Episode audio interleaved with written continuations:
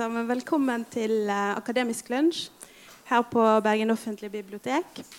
Mitt navn er Karin Rosenstock, og jeg jobber her på biblioteket. Akademisk lunsj er et samarbeid mellom NHH, UiB og HVL. Og Annenhver onsdag får vi besøk av lokale forskere som skal få, fortelle oss om sitt arbeid.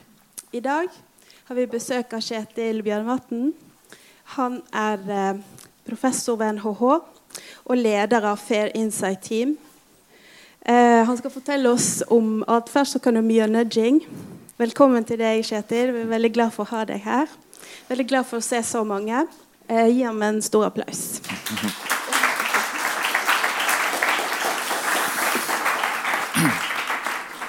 Tusen takk for det. Takk for invitasjonen. Fantastisk at så mange har kommet. Eh, små dytt for bedre valg. Um, mitt navn er altså Kjetil Bjorvatn, og jeg er da på NHH. Eh, mer bestemt så er jeg medlem av en forskergruppe som heter FAIR. Det er et senter for fremragende forskning på NHH. Vi holdt på et par års tid. Og det er altså et senter som skal se på som står her, eh, eksperimentell forskning på rettferdighet, ulikhet og rasjonalitet. Så det er et, FAIR er et samarbeid mellom to forskergrupper på NHH. The Choice Lab, som er atferdsøkonomene. Uh, og så er det da Sele, som er arbeidsmarkedsøkonomene. Så store data, lange data, generasjoner. Og, uh, mens Choice Lab er da med det eksperimentelle fokuset. De to gruppene gikk sammen og fikk da status som Senter for fremragende forskning for et par års tid siden. Um, det er så et Senter for eksperimentell forskning. og I denne gruppen så ser vi på ulike typer eksperimenter. Jeg skal vise noen eksempler på det i foredraget mitt. Vi har både lab-eksperimenter, um, som er atferdsøkonomenes favorittlaboratorium, uh, så å si, det, hvor man da samler folk, kanskje studenter, um, i, en, i, et lokale. Uh, hvor de da løser oppgaver, svarer på spørsmål, insentivert av um, penger. Og dette er blitt et uh, fantastisk redskap for å forstå hvordan folk tenker og uh, opptrer. Og Eksperimentell økonomi generelt har jo hatt et stort gjennombrudd de siste 20 årene og har blitt en sentral del av økonomifaget. Så er det felteksperiment, og det er sånne ting som jeg egentlig jobber ganske mye med. Det er et bilde jeg selv har tatt fra Afrika, hvor man går ut i felten der hvor folk lever sin liv og tester ut ulike virkemidler.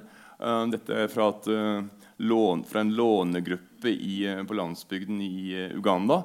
og hvor man da tilbyr noen landsbyboere et produkt. Her er et låne, spare-låneprodukt. Og ser på effekten av dette tiltaket på menneskene i deres virkelige liv. Og så har vi da naturlige eksperimenter som ser på effekten av vær og vind eller politikkendringer på f.eks. skoleutfall, på, på utfallet i arbeidsmarkedet. Så ulike typer eksperimenter for å forstå uh, årsak og virkning. Og dette med den eksperimentelle tilnærming kan man si er inspirert av medisin. Så når man skal teste et uh, nytt medikament, så har man en stor populasjon. og Noen får den nye pillen, noen får en placebo. Og så kan man da følge disse menneskene over tid og se på hva som er effekten av medisin på, på mennesket og eventuelle bivirkninger. Uh, og her blir altså, er det nøkkelordet randomisering. Uh, noen blir da tilfeldig valgt ut til å få den ekte pillen, noen får en placebo. Og på den måten så har man et likt utgangspunkt. og alle endringer i helseutfall kan man da slå fast skyldes medisinen. Det er samme type tilnærming når vi skal gjøre for felteksperiment. Noen får tilbud om et spareprogram, noen får ikke. Vi et likt utgangspunkt, og så kan vi se på effekten av tiltaket på utfall. Ok, jeg, jeg har en disposisjon um, som ser sånn ut. Jeg skal uh, si noe om atferdsøkonomi. Dette med nudging og små dytt for store valg, små og store valg, det er innenfor si, atferdsøkonomien. Så det store bildet er atferdsøkonomi. Si litt om det. Og så kommer jeg da inn på dette spesifikke med, med nudging gi noen eksempler på hvordan nudging er blitt brukt for å uh, endre atferd. Og så har jeg tenkt å komme inn spesielt på et nudging-prosjekt uh, som jeg har sam, i samarbeid med Nav, hvor uh, det er små dytt for arbeid. Si noe litt om det før jeg avslutter. Og vi holder på en 30 minutter ca. Men tid for uh, Jeg er fleksibel, så det bare å sitte så lenge dere gidder. Og så um, still gjerne spørsmål underveis er, uh, hvis dere har lyst på det. Men atferdsøkonomi. Dette er uh, boken som atferdsøkonomene gjerne griper til når man skal måte, slå opp i hva er atferdsøkonomi. Det er en bok som ble en bestselger av Daniel Kahneman.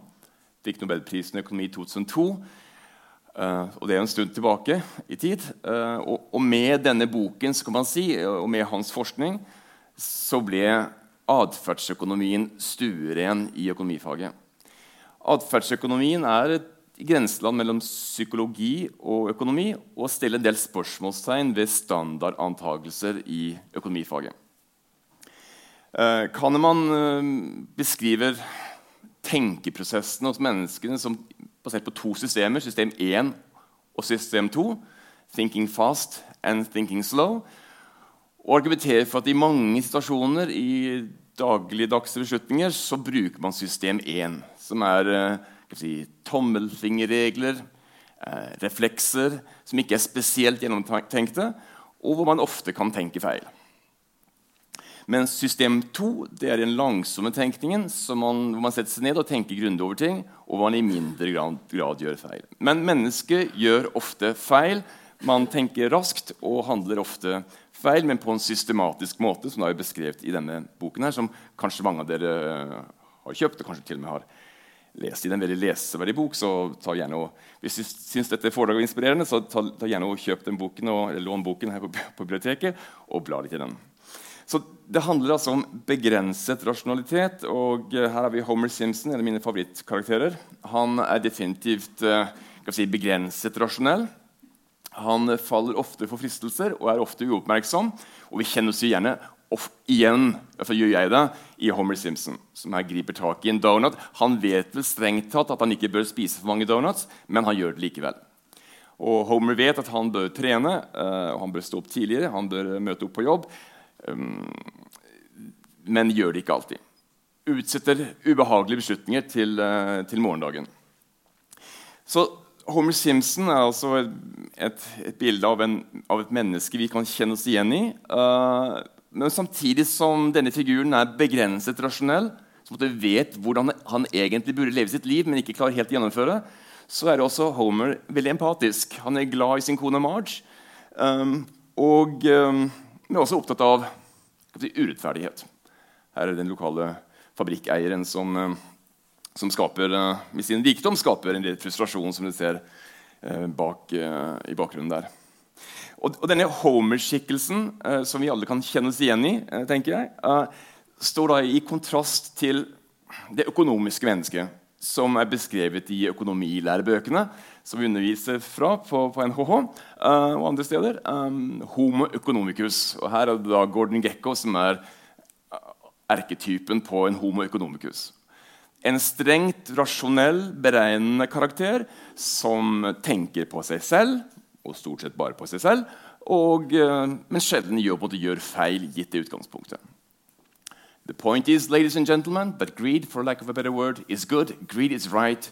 Greed works.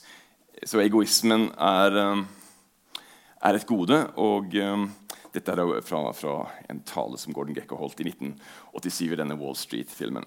Så, så, så dere ser kontrasten mellom dette økonomiske mennesket, som har vært standardantagelsen i økonomifaget, strengt rasjonell og strengt, strengt egoistisk, og så har man da denne skikkelsen Homer Simpson, som er av det atferdsøkonomiske mennesket, så å si, med all sin skrøpelighet, men også med all sin empati.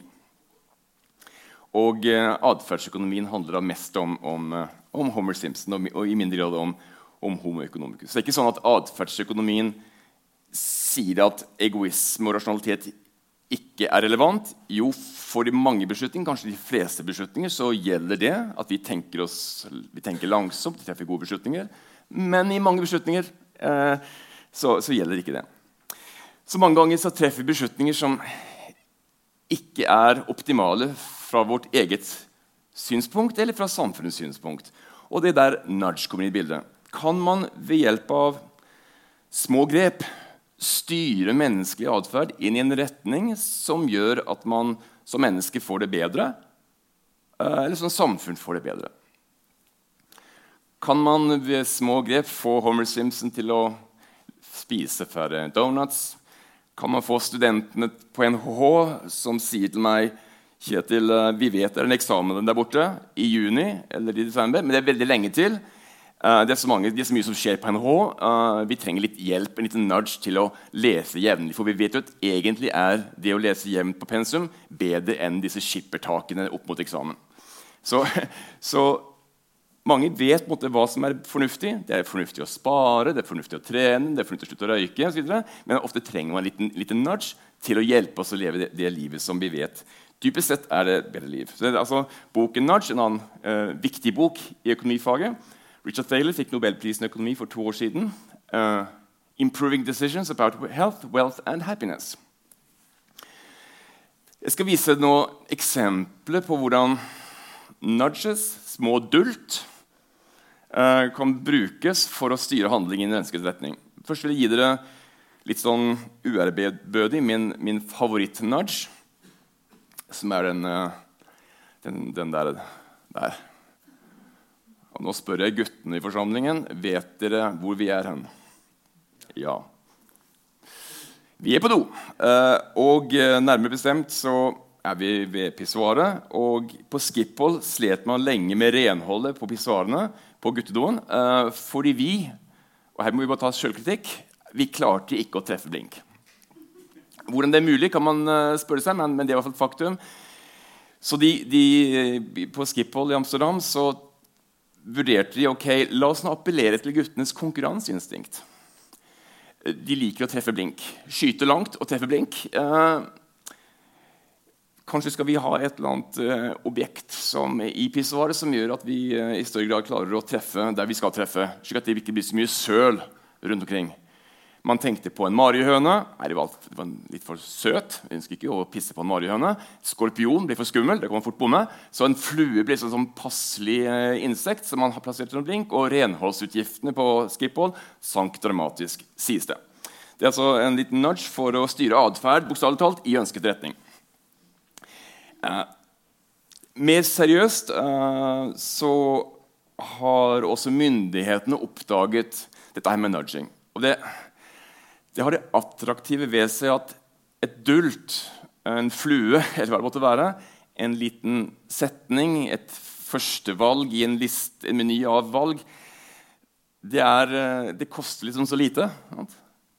Alternativet kan være et forbud eller overvåkning, en skatt.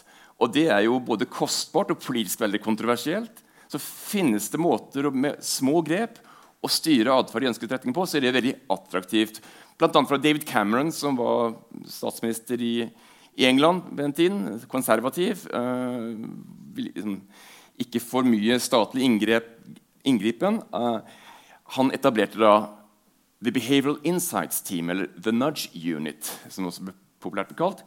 Hvor man da eksperimenterte med en rekke ulike grep for å styre atferd. Det kan være fra sparing til helse uh, i ønsket retning. Blant annet dette her. Hvor man har som utfordring i mange land at man trenger flere organdonorer. Ehm, I noen land er det slik at eh, man per definisjon er med i organdonorregisteret og må melde seg ut. Andre land, sånn som i England, men også i Norge, så må man melde seg inn. Og I spesielt land hvor man må melde seg inn, for å bli organdonor så sliter man med å få nok organer. Og Det er jo et kjempehelseproblem hvor folk står i kø for å få et, et, et livsviktig organ fra en donor. Så her, så her um, bruker man da nudges i form av ulike kombinasjoner av tekst og bilde for å få folk til å trykke på join-knappen som altså vil bety at de melder seg på The NHS Organ Donor Register og blir en organdonor i England. Og dette er i forbindelse med at de har vært inne på en eller annen hjemmeside, en offentlig hjemmeside, tror jeg i forbindelse med eh, fornyelse av kjørekort eller et eller annet sånt, så kommer denne opp. Og det man i Behavioral Insights Team da gjorde, var å se på ulike kombinasjoner. Dette er plakat 3 og 4. hvor noen tilfeldig, Hvis du har vært inne på den siden, så fikk du kanskje møte plakat 3, som er denne kombinasjonen av bilde og tekst. Og teksten her er «Every day, thousands of people who see this page decide to register». Man appellerer til, til at mange gjør det. Ja? Ah, da bør kanskje jeg gjøre det samme. Og så ser jeg et bilde av, av mennesker. Nummer fire, som kanskje du møter etter hvert inne på samme hjemmeside. helt tilfeldig, randomisert igjen. Samme type tekst. Men her med, med, med symbolet til Organ Donations eh, NHS UK. Og så ser man, og så er det mange sånne ulike kombinasjoner av tekst og bilde. og så ser man Hvilken type kombinasjon av tekst og bilde er som er mest effektiv å få folk til å klikke på join-knappen? Og Siden det er randomisert, så vet vi at hvis vi ser en forskjell, så skyldes det kombinasjonen av tekst og bilde. Her er teksten det samme. Ser vi en forskjell på disse to, så må det skyldes av denne, dette bildet. Og så pleier jeg å spørre siden jeg bruker dette eksempelet her, på hvilken plakat tror dere utløste flere join-klikk? Og da pleier nesten alle å svare venstre. Og det skulle man tro, og det er vanskelig å vite, men man skulle tro det. Men det viste seg å være helt feil. Den, den, den skårte kjempe, De hadde kanskje ti ulike kombinasjoner. Den skårte kjempedårlig. Det var kanskje ikke en vinner, men den sorte ganske bra. Og det forskerne i dette Nudge Unit spekulerer i, er at dette er et alvorlig tema. Organdonasjon er et alvorlig tema, og dette her ser ut som sånn eh, Blenda-reklame. Så, så, Det var en slags sånn, en kontrast mellom budskapet og det bildet som gjorde at folk liksom, eh, tenkte på at dette her var ikke seriøst nok. Dette her gir mer solid, kanskje mer seriøst inntrykk. Men det er det vanskelig å vite på forhånd. Man må eksperimentere.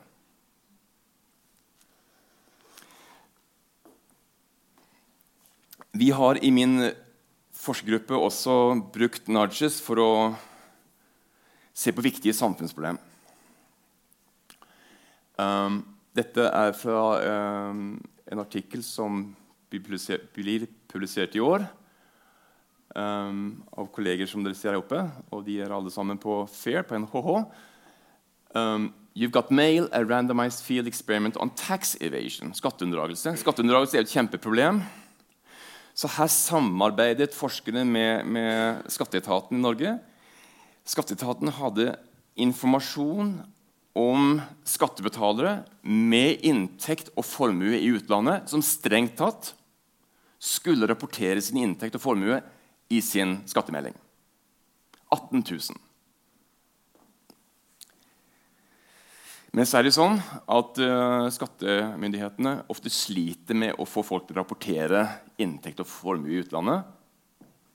Uh, det kan være ganske kostbart for dem å drive det inn. Så man, nei, man er avhengig Det enkleste er jo om folk bare oppgir det. Så det skattemyndighetene gjorde i samarbeid med forskergruppen, var da å stille spørsmålet finnes det noen enkle grep vi kan ta for å få folk til å mer ærlig rapportere inn inntekt og formue i utlandet. Som ikke handler om at man uh, går gjennom store, tunge prosesser som handler med, i, retts, i rettsapparatet, men mer sånn nudge-inspirert. Ok. Av disse 18 000 som faktisk skattemyndighetene hadde informasjon om, hadde inntekt eller formue i utlandet, så randomiserte man inn i fire grupper. Noen lot man være akkurat som de var. Rørte ikke de. Noen fikk et brev uh, som dette her. Informasjon om selvangivelsen for inntektsåret 2012. Norsk økonomi blir stadig mer internasjonalisert. Bla, bla, bla. Et informasjonsskriv. Man tenker at Et sånt brev fra skattemyndighetene kan jo i seg sjøl virke litt sånn eh, Kan utløse en respons. Mer substansielt så lar man altså til, uh, og her kommer nudgen i bildet, en setning eller to i dette brevet. Og det var to varianter av setningen. Den ene var sånn av typen en moralsk appell. Um, det er viktig å betale skatten din. Det, er, det går til gode formål. Helse og utdanning. En moralsk appell til betydningen av faktisk betale skatt. Det var en, en moralsk nudge. En, den siste gruppen fikk en, uh, istedenfor en moralsk nudge en, en, setning eller to som handlet om overvåkning. Uh, skatteetaten ser deg. Vi får stadig mer informasjon fra skattemyndighetene i andre land. Vi blir stadig mer informert om hva nordmenns inntekt og formue er. Og uh, det er faktisk straffbart å ikke, betale, ikke rapportere denne inntekten og formuen. En, en, en, liksom en pisk. Mens det moralske med en gulrot det er faktisk viktig å betale skatt. Folk flest betaler sin skatt. Ok, Så har vi fire grupper. En som ikke fikk noe brev i det hele tatt. En som bare fikk brev. En tredje gruppe som fikk moralsk, et moralsk brev. Bare en, setning. Og det er jo helt gratis. ikke sant? Kan, kan, det å legge til en setning i et brev som likevel ble sendt, ha en effekt, så er det helt fantastisk helt gratis. Og den fjerde var da tilsvarende helt gratis, bare med en, med en, en setning som handlet om, om, straff. Og så er spørsmålet ser vi en forskjell året etterpå i hva folk der ute oppgir av um, inntekt i utlandet. Og Dette er utgangspunktet grupper som er helt like, siden det er randomisert. Så hvis nå, nå vi skal vise dere på neste plansje ulike søyler på de ulike gruppene, som er gjennomsnittlig rapportert inntekt i skattemeldingen, hvis vi ser en forskjell, så vet vi at det skyldes den behandlingen. Her kommer det. Kontrollgruppen har vi ikke kontaktet i det hele tatt. Og de oppgir uh, en uh, inntekt som er så høy. Jeg trenger ikke gå inn på akkurat hva det er for noe, men det er, uh, jeg tror det er i 1000 kroner. Men uansett, poenget er forskjellen i nivå ved søylene. Base er bare det å bli sendt få et brev i posten. En informasjonsbrev om at norsk økonomi er blitt internasjonalisert. Og også skatt også inntekt eh, tjent, opptjent i utlandet skal rapporteres skattemeldingen.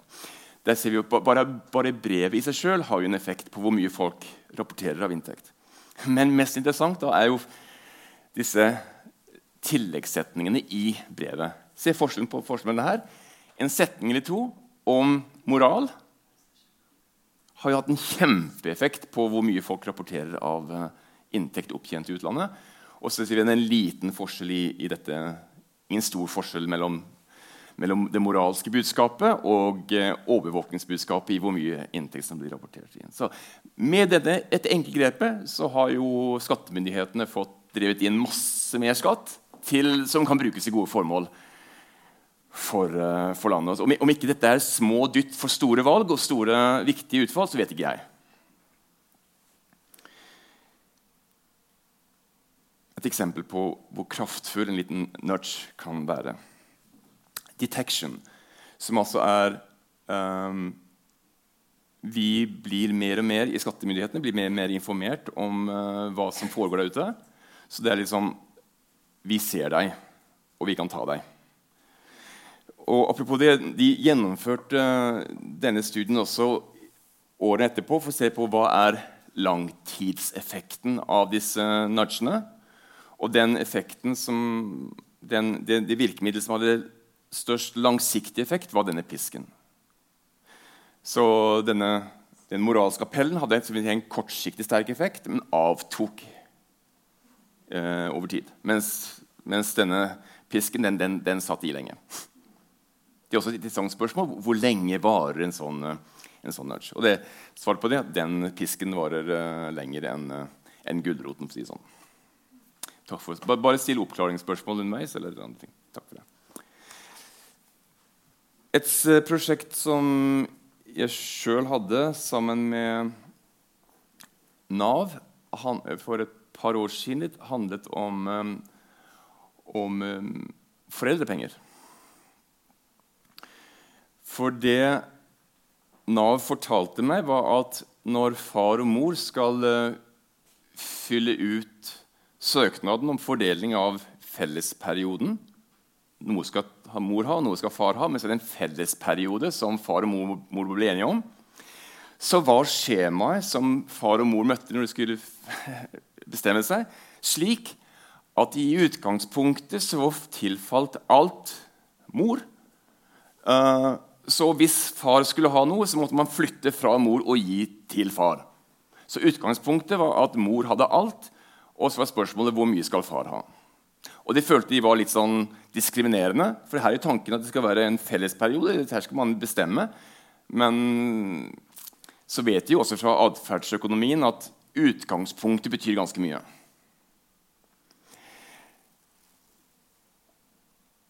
Så det vi gjorde, eh, var å eksperimentere med utgangspunktet. Og vi, eh, vi kunne ikke bruke noe ekte foreldre, men vi brukte en spørreundersøkelse på folk flest og ba dem tenke seg en situasjon hvor de skulle bli foreldre, og hvor um, de måtte treffe et, et, valg om foreldreperiode. Så det er sånn sett hypotetisk, men la oss nå ta og se hva, hva, hva foreldre, voksne mennesker, svarte på de ulike, spør de ulike spørsmålene. Det, man blir enten uh, stilt overfor en situasjon hvor, som si, imiterer dagens situasjon, slik den var på Navs hjemmeside for et par år siden, hvor i utgangspunktet mor hadde all tid, og hvor man kunne da, slik som vi implementerte det, flytte på en slider og gi til far. Hvor mye vil mor gi? Og her er svaret på det at uh, som er 26 uker var det man hadde til disposisjon. Og det er da godt over 50, eller over 50 Vi la, bare la, la, den stå som den står. Og så er det noen som gir litt til far. Vi har sånn 12-13-14% som, som flytter den slideren til midt på. Da kommer man dit. Men de fleste lar den bare stå hvor den er. Men, men det handler om å flytte på en slider. Det handler om å klikke på den røde knappen og flytte bort gjennom. ikke sant? Det er det som er hele greia. Ok. Hva om man møter en slider som hvor utgangspunktet ikke er der, men midt på? Igjen, så det eneste, det eneste operasjonen er å flytte på utgangspunktet. Det koster egentlig ingenting. Men kan det påvirke utfallet? Og svaret på det er jo ja. Her er utgangspunktet at den står midt på. Og så må du da flytte, du kan flytte på den helt bort dit, og da alt, går jo alt til mor. Sånn. Eller du kan la den stå, og da blir den stående midt på. Og vi ser at fra Med det utgangspunktet så var det kanskje 12-13% som valgte å flytte på den til midten og gi 50-50 til uh, i halvparten til far. Når utgangspunktet er i midten, så er det altså nesten 30% som lar den stå på utgangspunktet. Så utgangspunktet betyr kjempemye. Så når Nav utformer en, en valgstasjon hvor mor ha, egentlig har alt og må gi noe til far, så kan det skape store skjevheter i, i, i uh, utfallet. Og det er jo en type ufrivillig nudging som, som jo er uh, uh, ikke, ikke, ønsket. Man ønsker jo en slags likestilling her. Um, så utgangspunktet betyr masse. Ønsker man likestilling, sånn, så, så, bør man da stå på midten, så får heller foreldrene bli enige om hvor de skal flytte han. Og utgangspunkt betyr noe. En annen type nudge. Så eh, har jeg lyst til å bevege meg inn på det som er vårt forskningsprosjekt med Nav, som handler om å få unge ut i arbeid. Og det kommer til å handle om planer. Um, men før jeg kommer til uh, arbeidslivet så vil jeg snakke om andre eksperimenter hvor man har brukt planer for å styre utfall. Så det å legge en plan det vet vi kanskje fra vårt eget liv, kan være viktig. Altså, uten en plan så, og en påminnelse i kalenderen min så, så, så har jeg tapt hver eneste dag. Alt. Jeg trenger en plan. Og så trenger jeg en på, påminnelse fra telefonen for å minne meg på den planen. Det er nytt, et nyttig verktøy for å få ting til å skje. Ehm, det er sånn en, en, ganske hverdagslig innsikt. Dette er fra en artikkel fra 2011 som, ehm, som eh, handler om vaksinering. Og forskerne eh, jobbet da med en bedrift eh, og hvor de ansatte fikk tilbud om, om flu shot clinic, om om om en influensavaksine, fra en mobil vaksinasjonsenhet. En bil ville kjøre opp på parkeringsplassen foran uh, arbeidsplassen. Og da kunne de ansatte vaksinere seg mot uh, influensa. Uh, og i den ene behandlingen og igjen blir de ansatte randomisert. ikke sant? Noen får bare denne plakaten her, som er kontrollen, som er Det som er utgangspunktet. Hvor de får vite at bilen uh, vil parkere utenfor altså vaks vaksinasjonsbilen vil parkere utenfor bedriften på disse dagene og disse tidspunktene. Den får du. Okay. Så er det noen andre som får Og her kommer på en måte planen inn i bildet. Neste plakat. Og da får du ikke bare den her, men du skal sjøl, da. Men bare for deg selv. Ingen som kontrollerer det. Du kan, hive, du kan sette opp i kjøleskapet. Da skal du skrive opp Her står det Many people find it helpful to make a plan for getting their shot. Det kan være bra med en plan. Ikke bare få beskrevet valgmulighet, men lage en plan. Da kan du skrive opp ja, for meg passer det best fredag, uh, oktober 30. kan du skrive opp der. Til eget bruk. Vil det lille grepet der føre til at flere møter opp til uh, vaksine og tar, sin vaksine? Tredjebehandlingen og, og den er helt marginal endring. For da skal du i tillegg til uh, ukedag og måned og uh, månedsdag og så skriver jo tidspunktet. For meg passer det best fredag 30. oktober klokken 10. Hm. Spesifikt. Men det er ingen som kontrollerer dette. Det er bare for ditt eget bruk. Så får du den. Er det en forskjell? Så finner forskerne at i denne kontrollgruppen her, så var det 33% som faktisk møtte opp og tok en influensavaksine. Og så ser vi en liten økning, som ikke er signifikant, i denne, men at med denne tidsplanen hvor du faktisk skriver opp klokkeslettet også, så er det en 4,2 prosentpoeng økning. Ikke, noen, ikke fra 93 til 100. Det er selvfølgelig noen som ikke vil ha influensavaksine, men det er en signifikant økning på 4,2 prosentpoeng fra 33 og, og poenget er at det koster jo ingenting. Du skal bare skrive opp sjøl en uh, en, eh, et tidspunkt. Um, så du skal først informere, så er det lurt å bruke den plakaten og ikke den plakaten hvis hensikten er å få folk til å ta vaksine. Små grep for å få til en endring.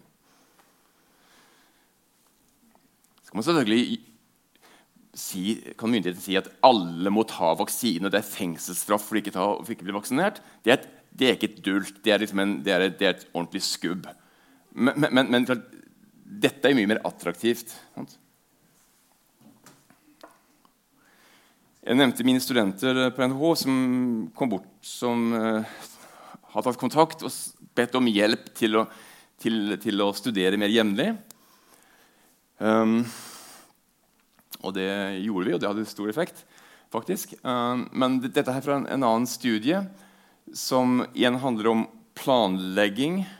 Uh, hvordan planlegging kan ha en effekt på, på, på studieutfall. Um, en artikkel fra 2010. Um, 'Setting, elaborating and reflect, reflecting on personal goals improves academic performance'. Og er, I tittelen finnes egentlig resultatet fra studien også. Men altså, det, det, er en to timers øvelse hvor studentene skal beskrive sine langsiktige mål. Hva ønsker du med studiene dine? Og steg hvordan du skal nå disse målene. Det er behandlingsgruppen. Det er en goal group. Og så er det en kontrollgruppe som man da følger, som ikke har fått denne type tilbud om en to timers planøvelse. Og I utgangspunktet så er jo disse to gruppene helt like med hensyn på, på hvor mange studiepoeng og, og karakterer de tar, fordi det er anonymisert. Men så ser vi at i andre semester, når man kommer tilbake til studentene og ser på hva de har faktisk har prestert, levert av studiepoeng, så ser vi at denne målgruppen faktisk gjør det mye bedre enn kontrollgruppen. Så det å sette seg ned og reflektere over sine mål som student ser altså ut til å ha hatt en effekt på deres studieprogresjon. Ok, nå går vi inn på arbeid. For den samme type tenkning tenker vi kan være viktig ikke bare for folk som skal ta en vaksine og må møte opp på, utenfor bedriften på et bestemt tidspunkt, eller for studenter som lett kan la seg distrahere av ulike aktiviteter som ikke handler om studier. Det kan også handle om folk som står utenfor arbeidslivet, og så det kan være tøft å måtte melde seg på igjen. Man kan opparbeide seg uvaner. Um, en livsstil som etter hvert ikke helt er forenlig med et sånt si, A4-liv, hvor man må møte opp på jobben og, eh, og eh, ja, og, være aktuell i posisjon for en arbeidsgiver. Og dette med ungdom uten arbeid er jo et stort problem. For mye oppmerksomhet blant myndighetene. Et fokus er jo å unngå at unge mennesker står lenge utenfor arbeidslivet, for da faller de fort uten, utenfor. Dette uh, fra Statistisk sentralbyrå fra 2008 til 2016. Dette er andel unge med lav utdanning. Og de fleste av de som står utenfor arbeidslivet, av unge mennesker, har jo lav utdanning. Mange av de er uh, innvandrere, så, så, de er overrepresentert i dette utfallet her. I, i, i denne statistikken her. Jeg kommer tilbake inn til det. Men her ser vi på menn og kvinner, og vi ser at um, det som har vært dette er unge mennesker med lav utdanning som står utenfor arbeidslivet, enten fordi de er arbeidsledige eller fordi de har helserelaterte ytelser. Og spesielt helserelaterte ytelser har jo vokst. Men også, også um, arbeidsledige, arbeidssøkende ungdommer er uh, si, svakt stigende. Så her, her har vi et problem. Det er et problem at mange unge mennesker, spesielt med lav utdanning, står utenfor arbeidslivet. Um, og det er klart at Her bruker man masse ressurser på å få disse inn i arbeidslivet igjen. Vårt spørsmål er kan man bruke nudging uh, for å få til noen ting. Vel, et, et, grep som Nav gjør når de uh, snakker med sine brukere, er såkalte aktivitetsplaner. Så hvis du som arbeidsledig møter en Nav-veileder, så setter man seg ned og lager en aktivitetsplan. Litt på samme måte som en sånn studieplan. Eh, de beskriver dine mål. Arbeids, hva vil du bli? Jeg skulle bli håndverker. Eh, ja, hvilket steg må du ta for å bli håndverker, for å bli snekker eller rørlegger? Og så bruker man det som er verktøy for å få disse menneskene inn i arbeidslivet. Aktivitetsplanen. Så var det en rapport fra noen Fafo-forskere som heter 'Nav-kontorenes oppfølging av unge brukere', hvor forskeren refererer til en Nav-veileder som sier at oppfølgingsarbeidet, bl.a. disse aktivitetsplanene, er i stor grad styrt av, av de unges egen motivasjon og det er vanskelig å gjennomføre god oppfølging med en ungdom som ikke er motivert eller mottaker for hjelp. Så man kan kanskje ha en plan, men hvis, men hvis ungdommen ikke er motivert til å følge opp, ja, så blir det bare liksom en, en, plan som ikke er uh, Som bare er papir. Vårt prosjekt um, handler om motivasjon. Kan vi bruke små grep for å motivere unge mennesker som står utenfor arbeidslivet, til å komme seg i posisjon til å få en jobb. Det hadde vært helt fantastisk om man kunne få til det. Merk, Vi tror ikke at disse små dyttene vil hjelpe alle. Selvfølgelig ikke. Men kanskje noen. Og siden det små dytt handler om ganske billige grep, så må vi i hvert fall bruke de, de billige grepene som finnes for å få ting til å skje. For selvfølgelig er mange grunner til at folk står utenfor arbeidslivet. og Noe kan jo handle om store psykiske utfordringer. og Vi tror ikke at et lite dult hjelper da. Da må man selvfølgelig inn med, med, med et ordentlig helseapparat. selvfølgelig. Men vi tok kontakt med Nav. Um, de var interessert i problemstillingen. Um, og de har jevnlig kommunikasjon med, med, sine brukere, både digitalt og med, med sine veiledere. Og vi tok kontakt med 3000 personer i aldersgruppen 16-30 um, eh, som hadde vært registrert ledige hos, i Nav Hordaland i minst åtte uker. Og vi sendte da en tekstmelding til uh, Eller Nav sendte en tekstmelding til disse med en invitasjon til å bli med på, en, på, på vår studie. Uh, det var jo langt ifra alle som svarte på den tekstmeldingen sånn, ofte får vi kanskje spørsmål vi også om kan du være med på den uh, undersøkelsen. Eller ringe fra liksom, respons, og vi sier nei, vi har ikke tid til å prate. Sånn, det, det, er greit. Uh, og kanskje denne gruppen er spesielt liksom, lite samarbeidsvillig. Kan være. I hvert fall så fikk vi av de 3000 med oss 716 på laget. De var med på undersøkelsen vår. Og de har vi, de har vi informasjon om både fra en spørreundersøkelse som, vi gjorde, som vi gjorde digitalt, men også har vi jo Nav-data på hvor er de hen, med hensyn på hvor mange aktiviteter har de vært igjennom i Nav-regi, og hvordan står de hen sånn rent jobbmessig. Dette er litt statistikk på hvem vi snakker om. Uh, gjennomsnittsalderen i vår studie er 26 år. Uh, Ca. halvparten jenter. Uh, 20% har grunnskole som høyeste utdanning. 58% hadde vært på et Nav-tiltak før studien. 74% hadde hatt en jobb før de var med på vår studie. Kort eller lang jobb. Så i hvert fall hadde de noe jobberfaring. Og 23% var da ikke født i Norge. Så det er en overrepresentasjon naturlig nok, uh, av folk som ikke er født i Norge, i denne, i denne poolen av unge arbeidsledige. 23% var ikke født i Norge.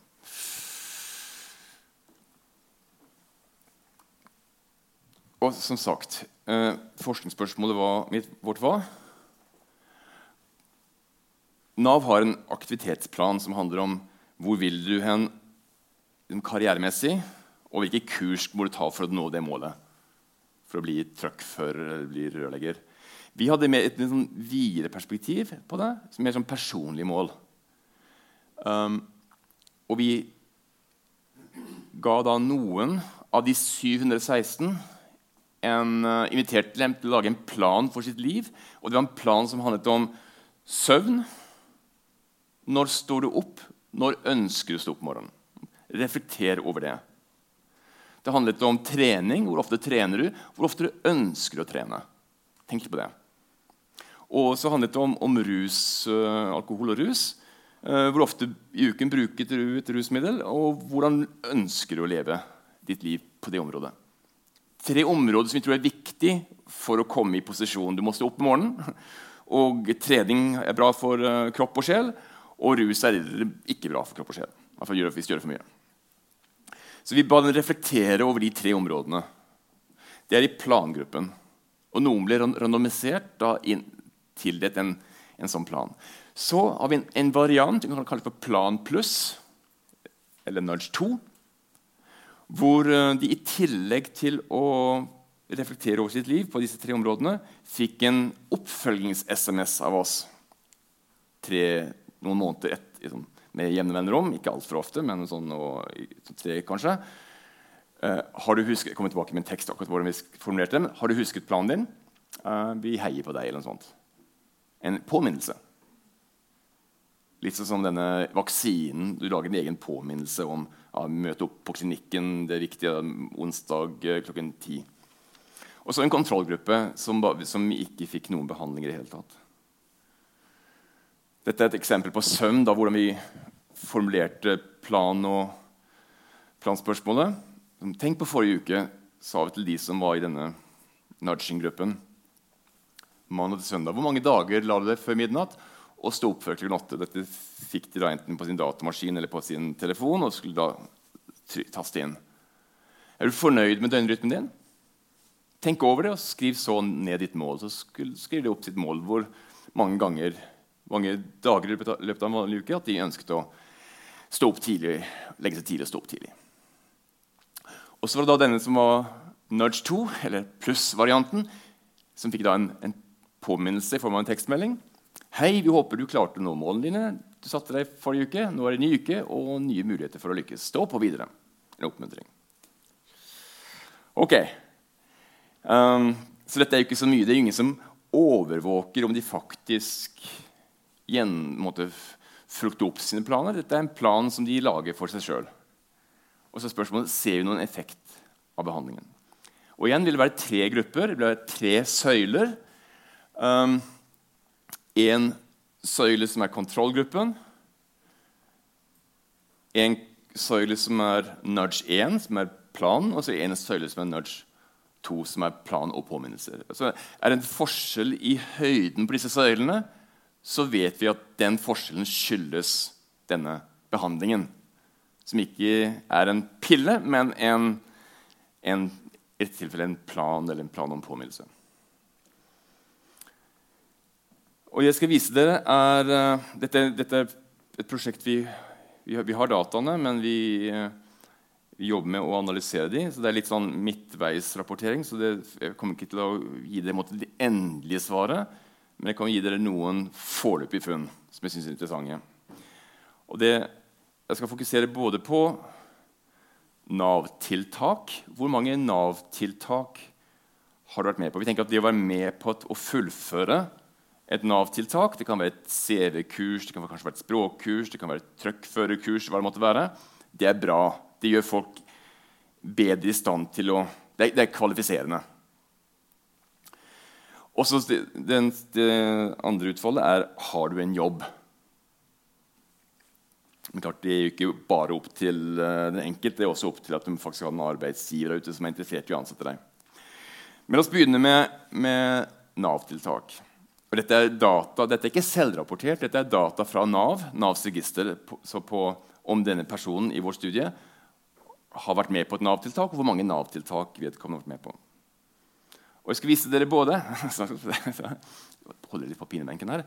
Uh, skal se både på hele utvalget, alle 716, og så skal jeg dele dere inn i Se på undergruppen nye landsmenn. Folk som ikke er født i Norge. Jeg tenker er litt, er en litt spesiell gruppe. Uh, ulike årsaker til at de kanskje står utenfor arbeidslivet, som kanskje handler mer om språk og nettverk enn kanskje den norske gruppen, som kan handle om flere ting. Uh, I hvert fall. La oss se på dette her. Hva er det vi ser for noe? Hele samplet her. Ikke født i Norge der. Fullførte Nav-tiltak etter behandlingen. og Dette er sånn 0-1. Uh, eh, dette er andelen som har fullført minst ett Nav-tiltak etter behandlingen. Og behandlingen er denne, disse nudge, nudgene. ikke sant? Altså Kontrollgruppen har vi ikke rørt i det hele tatt. Det er mer sånn business as usual, uten at vi som forskere har gått inn og gitt dem noe behandling. Nudge 1 da har de bare fått i oppgave å reflektere over sitt liv på de ulike områdene. Søvn, trening og rus. Nudge 2 det pluss en, en, vennlig, en vennlig, påminnelse om at uh, vi har en plan, og vi, vi uh, lykker til videre. Den gruppen som driver denne responsen av vår nudge på aktiviteter, er ikke født i Norge, hvor det er en dramatisk forskjell. I kontrollgruppen er det 20 som Nav sier har vært med på et, eller flere tiltak. og fullført tiltaket. Se på Nudge 2, da, som har fått en plan, eller blitt invitert til å formulere en plan og fått en påminnelse. Over 40% En dobling i antallet som faktisk har vært med på tiltak. Det er jo en dramatisk endring på et så lite virkemiddel som det å få en tekstmelding og reflektere over sitt liv og få en hyggelig påminnelse. Det er spesielt denne påminnelsen. Forskjellen mellom den og den er jo påminnelsen. Og den responderer de veldig sterkt på. Skal vi spekulere i hvorfor er det sånn? Det tenker jeg også kan være en mulig forklaring. Vi, vi, vi, må bruke litt tid på å analysere dataene, men jeg tenker også det at de som ikke er født i Norge, er litt mer utenfor. Det å få en oppmerksomhet eh, kan virke mer inspirerende. Det kan også være at, eh, flere, at de utenlandske, altså de som ikke er født i Norge, det de mangler, er kanskje språk, de mangler kanskje nettverk.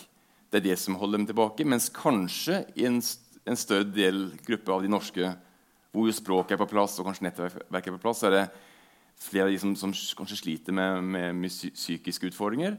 Og da vil en tekstmelding ikke gjøre susen. Kan være litt spekulasjoner. Du spurte om jobb.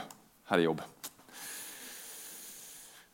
I hvert fall, La oss se på Det store bildet er at men her må vi bruke tid på å se på hvilke typer jobber det snakker vi om. Men ingen forskjell her i å For hele samplet mellom nudgene og kontrollgruppen i har du, en, har du hatt en jobb etter behandlingen. 80% har hatt en jobb etter behandlingen. Om det er en uh, Nav-sponset jobb, eller om det er en jobb som er mer sånn på kommersielle vilkår, det vet vi ennå ikke. det må vi se nøyere på dataene, men ingen spesiell effekt her. Vi ser en tendens til, og det er ganske interessant, at, at de i Nudge 2, av de som ikke er født i Norge, uh, i større grad har en jobb. Så, så, vi vet at fra forrige plansje at de i Nudge 2 de var i større grad med på tiltak. Og her ser vi at de faktisk i hvert fall ikke er mindre i jobb. Så det er ikke sånn at tiltaket kommer på bekostning av jobb. Det er ikke sånn at de går på og tar CV-kurs på CV-kurs på CV-kurs fordi at de ikke er jobb. Nei. De er minst like mye jobb som de andre. Um, og um, så tiltaket har i hvert fall ikke vært liksom, mens de går og venter på jobb. Som sagt, dette, dette er, eh, jeg synes det er dypt fascinerende. Og jeg har ikke alle svar på, på spørsmål dere setter inn i det. Men dette er ting vi kommer til å jobbe videre med. Men uh, det er jo det er jo ganske utrolig da, at vi ser dette mønsteret her over et så lite grep på en interessant gruppe. Unge mennesker, ikke født i Norge, kan ha en stor effekt. I hvert fall vel verdt å utforske nærmere, tenker jeg.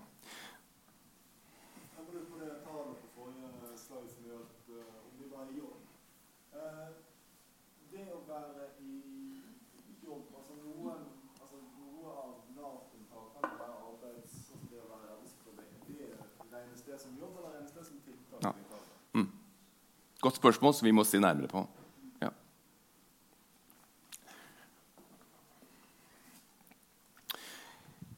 For å oppsummere Vi har sett at atferdsøkonomi eh, er noe som er veldig i vinden innenfor økonomifaget, med nobelpriser i fleng. Eh, det handler om begrenset rasjonalitet. At folk er uoppmerksomme og eh, gjør systematisk feil. Men også at det handler om utvidede preferanser. De har ikke snakket noe om i dag, egentlig, men som det forskes mye på oppe hos oss. Med moralsk motivasjon, hvordan folk tenker på ulikhet. Urettferdig, rettferdig ulikhet. Det, det bryr folk seg om, og det er en del av atferdsøkonomien. Um, det, har, det har ikke vært en del av standardøkonomifaget, men er nå det. Kanskje på tide, vil mange si. Vi sa at nudging handler om små dult for å endre atferd i ønsket retning. Det kan være små dult for, uh, for å redusere uh, renholdsutgiftene på Skiphol, men det handler også om man kan faktisk få til store ting. Det handler om skatteunndragelse, det handler om å få mennesker til å studere og til å få folk ut i arbeid. Det kan være at små, Man sier ofte at djevelen sitter i detaljene. Ja, det, faktisk kan detaljene være veldig viktig for å få eh, utløst en handling. Spesielt har vi sett på dette med en plan som et virkemiddel for å få ting til å skje. Og i vår studie med unge arbeidsledige så ser vi at spesielt det å få en plan og få en påminnelse om plan har vært virkningsfullt for en viktig undergruppe, nemlig folk som ikke er født i Norge.